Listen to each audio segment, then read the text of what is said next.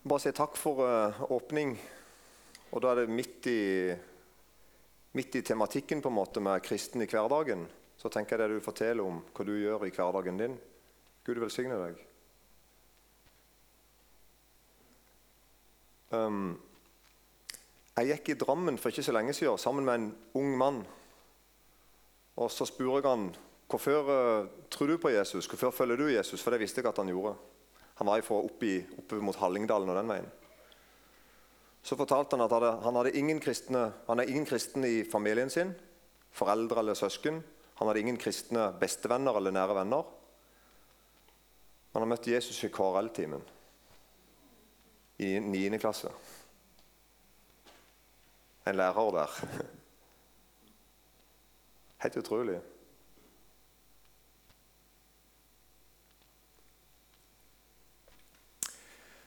Jesus om at du må være her fortsatt med, her med din ånd. Be om at du må være i ordet ditt, at du må krype inn i hjertet vårt.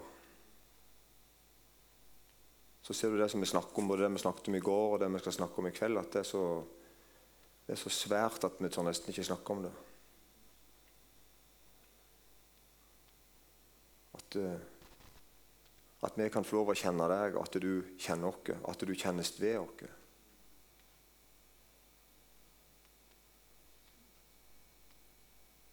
Takk, Jesus Kristus, at du er min rettferdighet i himmelen.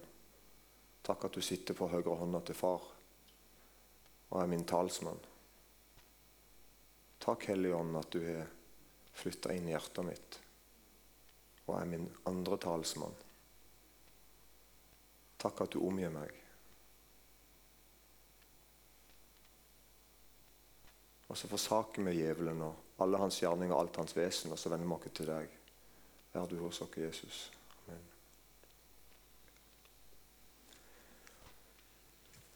Oi sann. For de som var i, i, går Jeg skal prøve altså å bare bli ferdig med i går. Men bare, jeg, jeg, jeg fortsetter fra i går. Eh, så de som ikke var i går, skal jeg bare føre dere inn i det. Da hadde vi litt om at dere er jordens salt og dere er verdens lys. Litt uh, om det i Matteus 5. Og så sier jeg nå i dag at det at, vi, det at Guds barn, du som hører Jesus til, det at du er salt, det er, det er en tilstand du er i. Det er ikke bare noe du gjør av og til, eh, et, et visst klokkeslett noen, noen, dager av og til, liksom. men det er, en, det er en tilstand vi kommer inn i. Det er, noe vi, har blitt i kraft av å høre Jesus til. Er det den her som er på, eller er det akustikk? eller? Nei, fint. Er det, er det en grei lyd, eller er den litt sånn rar? Ja, Det kan være dialekten min òg som er litt rar. Så det. Um, sånn at det, og Det tror jeg er viktig for at vi ser at det, der å høre Jesus til, det gjør at vi kommer inn, altså, i, en, vi kommer inn, vi, vi, kommer inn i en ny situasjon. Det har skjedd noe med deg, et under. Du er Guds barn, og du er hellig og ulastelig. Det har skjedd, noe, det har skjedd mange ting med deg. Så det er noe du er 24-7 med det, så mener jeg det er en konstant, den, den tilværelse Og Det var versene vi las i går, bl.a. Dere er jordens salt. Men om saltet mister sin kraft, hva skal det da saltes med? Det duger ikke lenger til noe uten til å kastes ut og tråkkes ned av menneskene.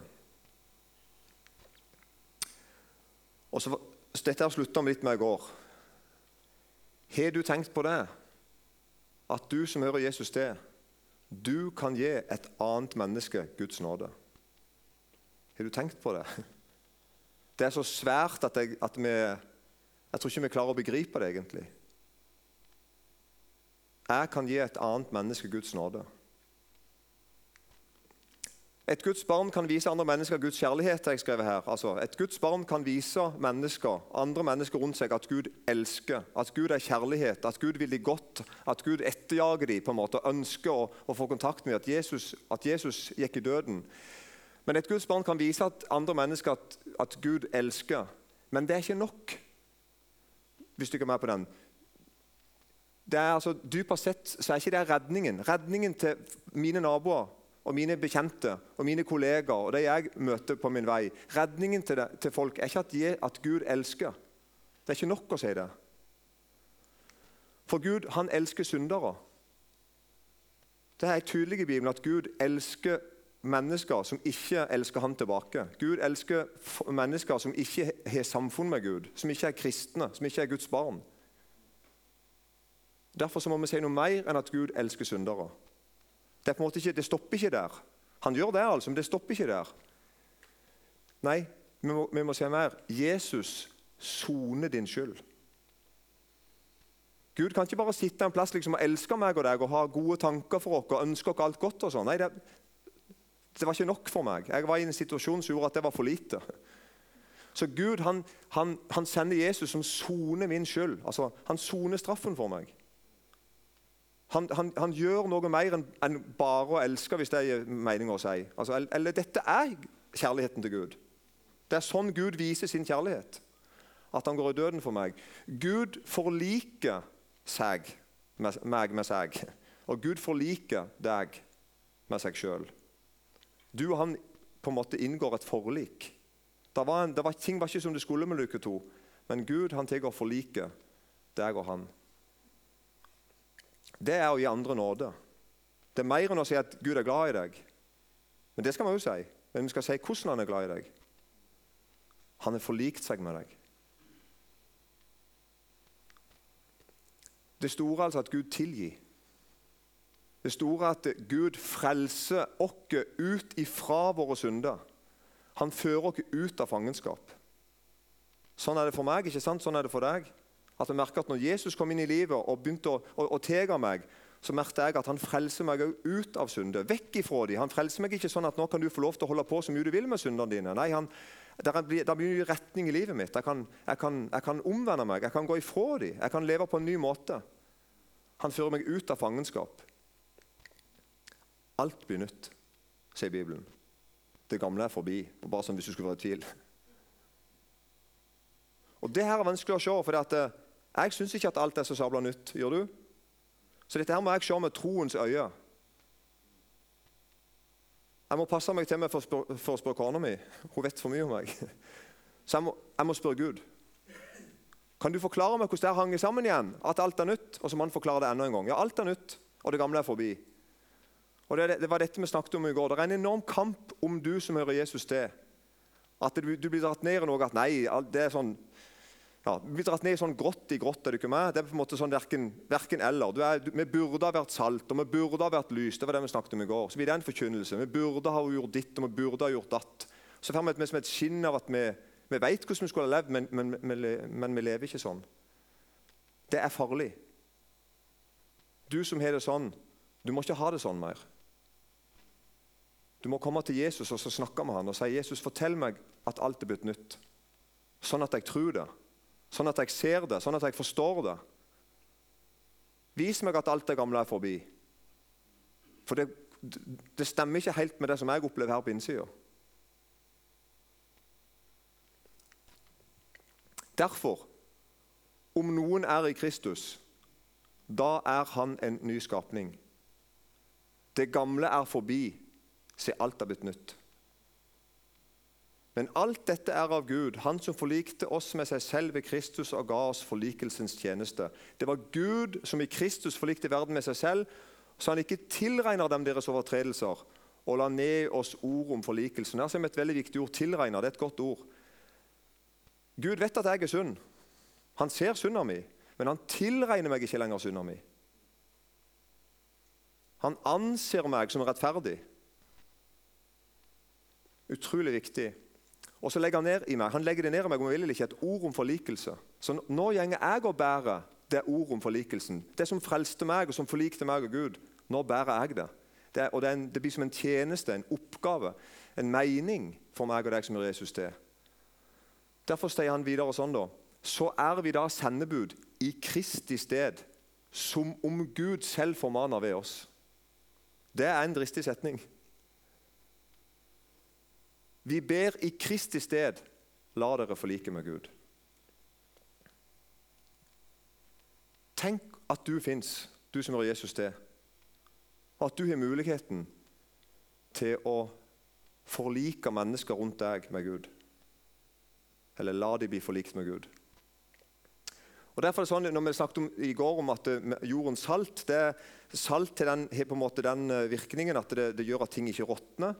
Og det at det, at det fins salt på jorda, altså folk som hører Jesus til, det er helt, uh, helt, tydelig at det, det, at det finnes folk som hører Jesus til, gjør at jorda ikke er gått i stå ennå. Hun er ikke gått i sund ennå. Hun er ikke, hun er ikke som råtner helt ifra hverandre. Det er noe er, hun er fortsatt bevart. Det fins et konserveringsmiddel saltet. Men det er du og meg som gjør Jesus til. Og så kan du godt spørre Hvorfor er det så viktig at jorda står? Hva som er gladmeldingen med det? liksom? At jorda står? Og da er Gladmeldingen til Jesus er at det går fortsatt an å forlike seg med Gud. Det er ennå nådetid.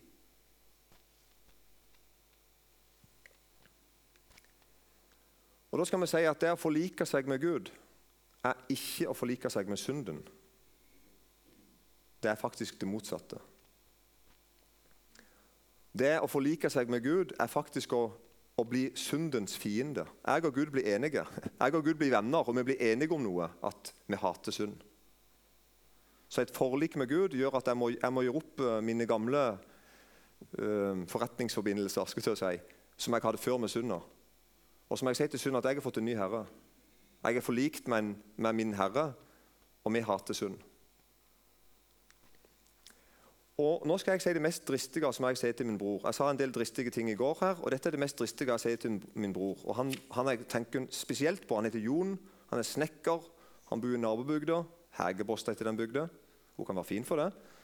Um, og um, han, um, Jeg og han møtes regelmessig og bekjenner synd for hverandre. Og vi er hverandres skriftefar. Så jeg snakker med han om mine synder, han snakker med, med meg om sine synder. Og så I løpet av kanskje et kvarter 20 minutter det tar ikke noe lang tid.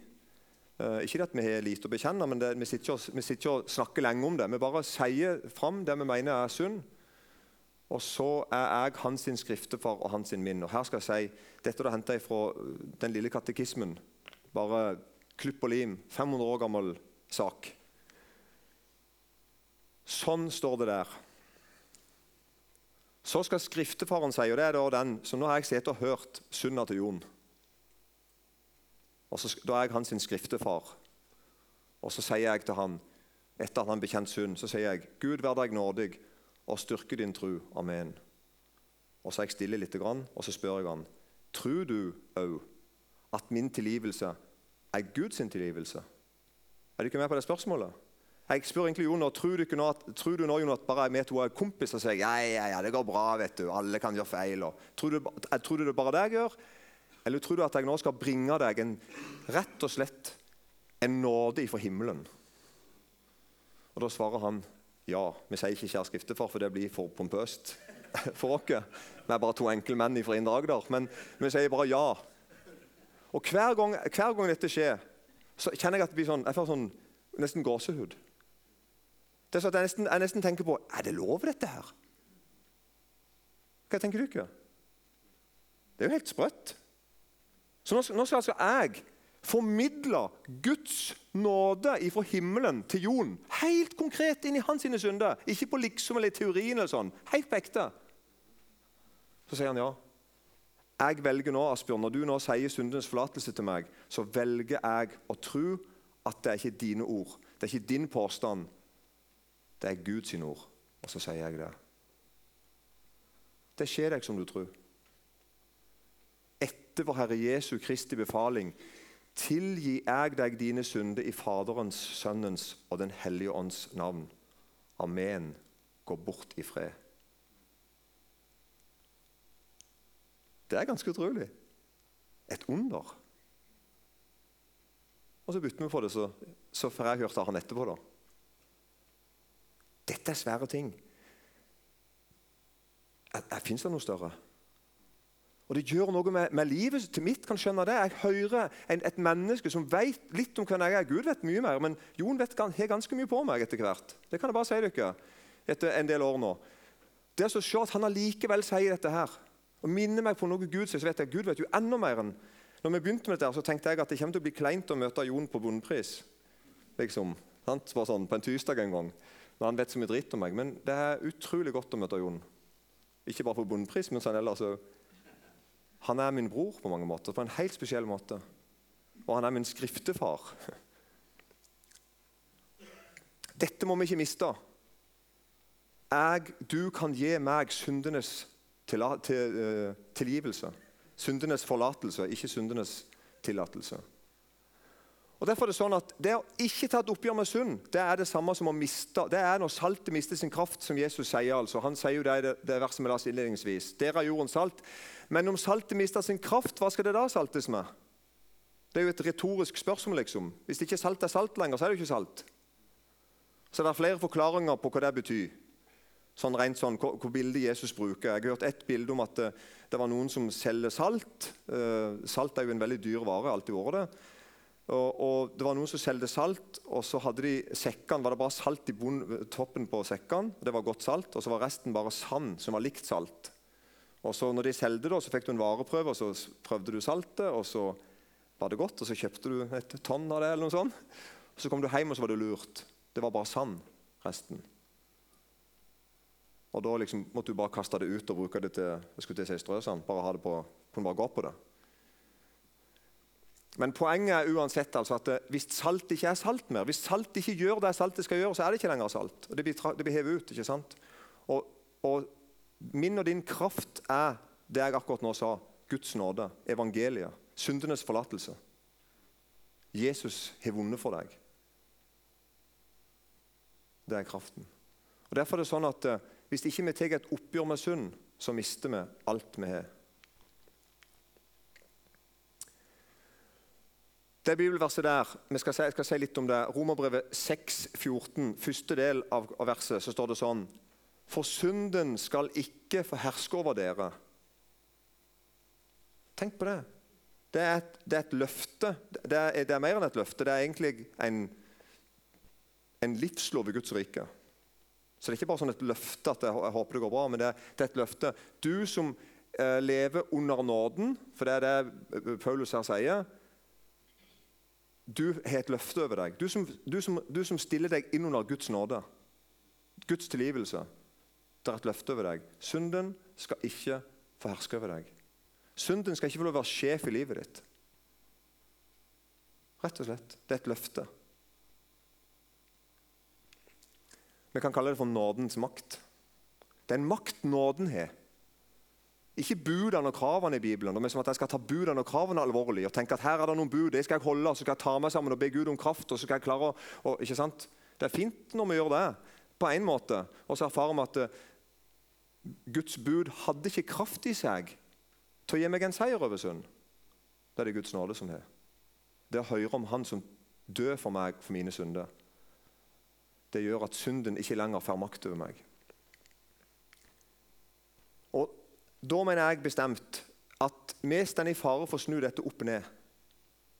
Det er, min, sånn, det er min magefølelse, og litt mer enn bare magefølelse, når jeg snakker med øh, sånne som meg rundt forbi, og sånne som deg, sånn cirka, uten at jeg kjenner alle dere personlig. Vi står i fare for å snu det opp ned og egentlig tenke at det å gi etter for synden og ikke tenke at jeg skal herske over sånn, det, det høres nesten sånn kristelig ut å si sånn at ja, jeg er jo bare en synder. jeg. Jeg har vi så mye ambisjon om å vinne, liksom. nei, nei, nei, Gud forby det. liksom. Nei, Jeg er bare mer sånn en helt vanlig synder. Men jeg er tilgitt, da. Og så høres det egentlig veldig fint ut, og på en måte er det sant. Men det kan være veldig feil. Det kan til og med være direkte galt. Hvis jeg bruker det til en unnskyldning til ikke å ta et oppgjør med synd, hvis jeg bruker det som unnskyldning til egentlig å holde meg vekke fra Gud og bare leve mitt eget liv, Så Sånne bibler som det, for synden skal ikke få herske over dere, de hører, jeg, de hører jeg vi snakker lite om. Det høres litt sånn cocky ut. Hva er veldig det, da?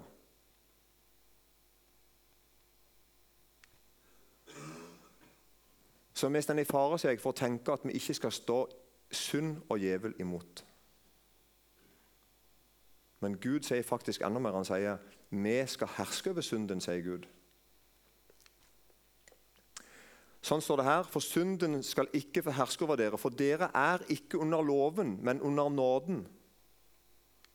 Hva så? Skal vi synde siden vi ikke er under loven, men under nåden?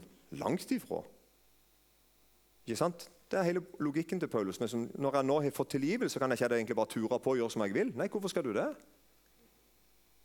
Du er jo kjøpt fri fra det.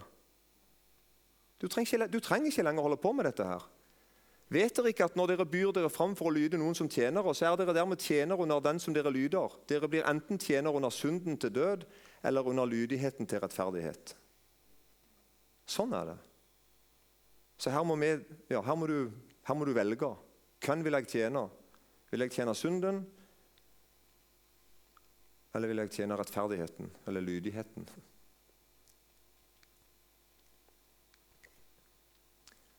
Første gang vi leser at synden ikke skal herske over oss, det leser vi faktisk i første Mosebok, kapittel 4. Der er det en fortelling som jeg skal dramatisere nå helt til slutt. Der står det sånn Abel bar også fram et offer som han tok av de førstefødte lammene i flokken og deres fett.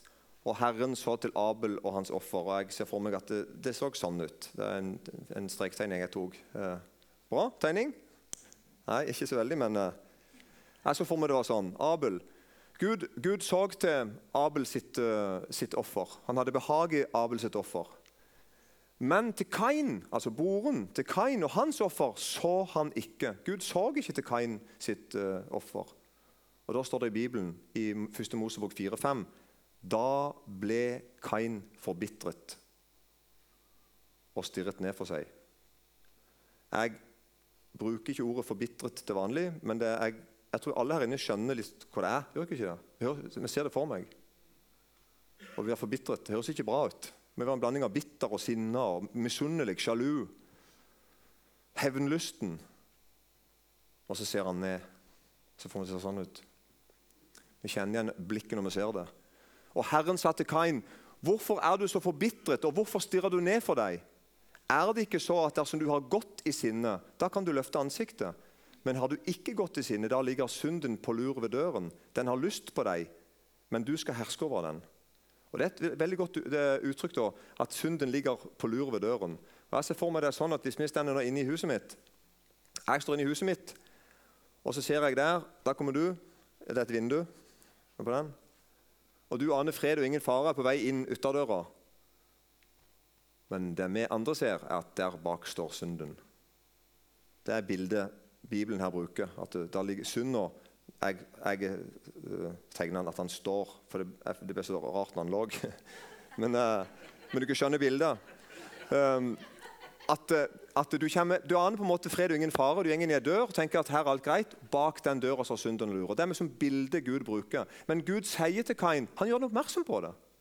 Han sier til han at nå vet jeg at det skjer. Når du nå går og stirrer ned, og er forbitra og stirrer ned, og ikke vil se opp, da lurer synder bak døra. Så det, jeg, du, jeg, har ikke tenkt på det før, at, at uh, Gud gir en helt sånn krystallklar advarsel. Han, han, han, avslører situasjonen som Kain er i. Sånn 100% du, nå, nå har du det sånn. Dette kommer til å skje. Og så er det da siste del der i vers 7, som jeg ikke har lagt merke til før nå for ja, tida går. Men det er ikke så lenge siden jeg la merke til den siste delen der. At Gud sier til, til Kain den, altså Synden har lyst på deg, men du skal herske over den. Det er akkurat som at Gud sier til Kain du trenger ikke være lydig mot synda. Du trenger ikke la deg bli overrumpla av synden som ligger på, ligger på lur ved døra. Du trenger ikke. Det er en annen vei. Men Kain talte til, bro, til Abel sin bror en dag, og de en, da de en gang var ute på marken, får Kain løs på sin bror Abel og slo ham i hjel. Kain hørte ikke på Gud.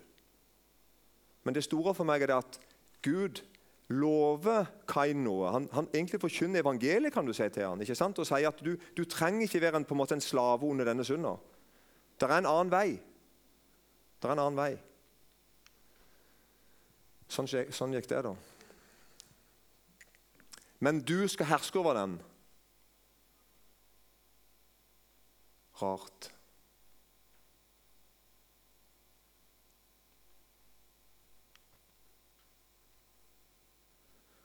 Gud altså advarte Kain og viste han en annen vei. Du trenger ikke være forbitra, du trenger ikke se ned, du trenger ikke være et offer for synden. Synden må ikke herske over deg.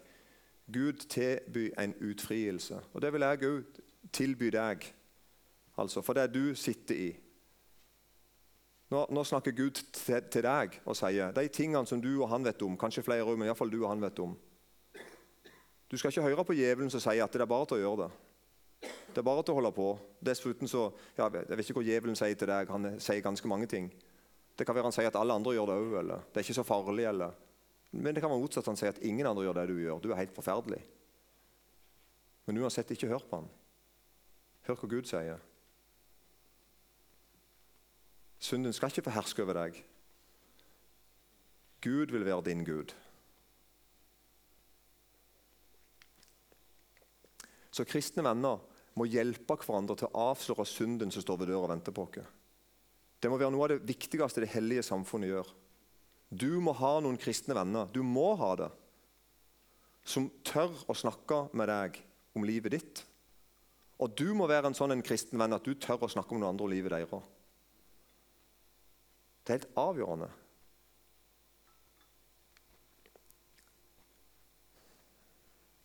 En sånn typisk tanke jeg bare er sånn.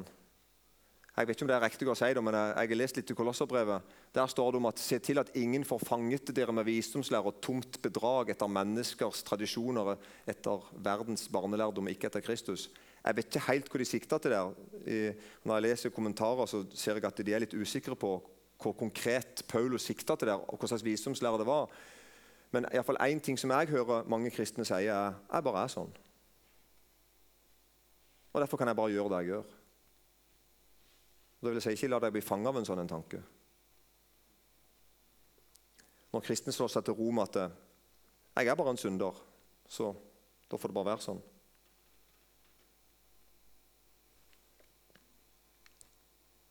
David Platt har skrevet en bok eh, som heter 'Følg meg'. Dette på norsk. da. Følg meg, Side 129.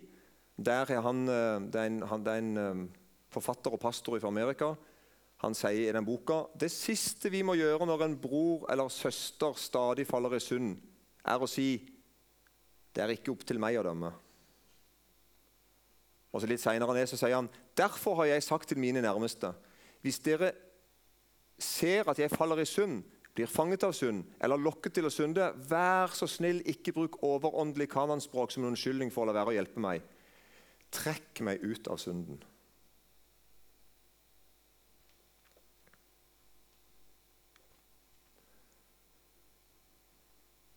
Sannheten om du som tror på Jesus Sannheten du som tror på Jesus, samme hvordan det står til, på en måte, men samme hvem du er, samme hvor lenge du har trodd på Jesus Sannheten om deg er bl.a. at du er hellig og ulastelig og ustraffelig. Sånn skriver Paulus i Kolosserbrevet 1 vers 21 og utover, så sier, så sier, Paulus også dere som før var fremmede og fiender av, av, eh, sinnelag i deres onde gjerninger, har Gud nå forlikt med seg selv ved hans kjøds legeme ved døden, for å stille dere fram hellige og ulastelige og ustraffelige for sitt åsyn. Om dere bare blir ved i troen, grunnfestet og faste, og ikke lar dere rokke fra det håp som evangeliet gir. Og Dette er sannheter som du må fylle deg med Særlig i møte med fristelser og i møte med synd. Du må fylle deg med hva Gud sier at du er i Han. Du må ikke fylle deg med hva djevelen sier du er uten Han. Er du ikke med på den? Det er utrolig viktig at, kan, at vi kan fortelle til hverandre at uh, det er ikke sant å si om meg at jeg er en synder. Punktum. Det er ikke sant. Jeg kan begynne å tro at ja vel, for jeg oppfører meg som syndere, og så kan jeg bare gjøre synd og leve i synd og forsvare synd og bagatellisere synd. på en måte. Nei, jeg er hellig. Jeg er utvalgt. Jeg er ustraffelig, jeg er ulastelig i Jesus. Og da må fienden snu. Bare prøv. Da må fienden snu. Han har møtt sin overmann, han har møtt seierherren. Jesus Kristus. Synden trenger ikke bestemme over deg. Du har en ny herre. Og når jeg var liten, og det begynner å bli lenger og lenger siden, av en av merkelige grunn, så sang vi hjemme da. Når Jesus kommer og banker på ditt hjerte og spør om han kan få komme inn, da svarer jeg ja, det kan du gjerne komme inn i mitt hjerte og sinn. Eller komme inn i mitt hjerte og bli. Litt forskjellig hvor vi. Og så andre verset. Genialt. Når fristeren kommer og banker på ditt hjerte og spør om han kan få komme inn, da svarer du nei. For Jesus er alt kommet inn. Genialt.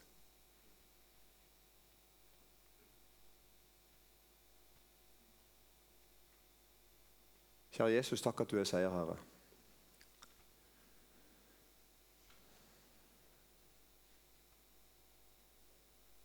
Jeg ber deg om at vi må reise oss opp i frimodighet i, i ditt navn, i ditt blod.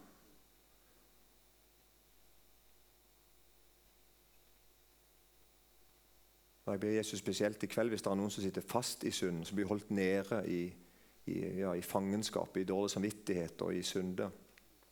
Jeg ber Jesus om at du må vise deg som seierherren for deg.